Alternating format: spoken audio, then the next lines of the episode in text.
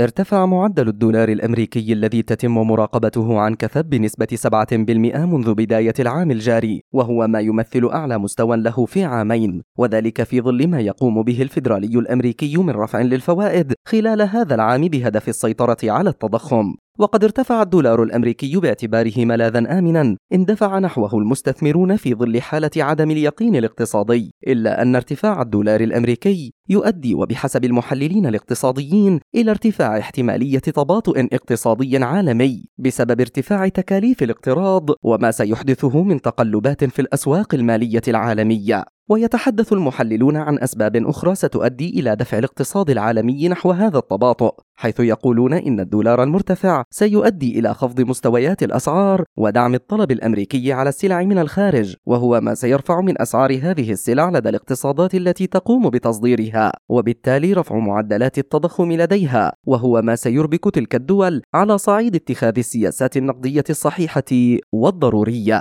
وبحسب هذا الوضع المضطرب فسيكون العالم أمام سيناريوهات غير واضحة تجاه سعر صرف عملتها. فإما انتهاج ما تقوم به الاقتصادات الناشئة بالسماح لعملاتها بالضعف أو التدخل لتهدئة ضعفها وذلك من خلال السياسات النقدية المتمثلة برفع سعر الفائدة مثل ما فعلت الهند وماليزيا أو السيناريو التي تتبعه الدول الاقتصادية المتقدمة التي ما زالت لم تتدخل للحد من تدهور عملتها أمام الدولار مثل ما هو الحال مع اليورو والفرنك السويسري والين الياباني. أما عن التوقع الطويل الأمد والذي قد يحتاج إلى عدة شهور ليحدث فإنه يشير إلى أنه وفي حالة حصول تباطؤ في النمو الاقتصادي الأمريكي تزامنا مع انخفاض معدل التضخم لديه فإن ذلك سيؤدي إلى تباطؤ صعود الدولار وفقا لآراء العديد من المحللين. ووفقا لاقتصادي مورغان ستانلي فإن النمو الاقتصادي العالمي بشكل أساسي سيتوقف هذا العام في حالة دخول أوروبا في ركود وتباطؤ الاقتصاد في الصين بشكل عام وتجديد الأوضاع المالية الأمريكية بشكل كبير. مجد النوري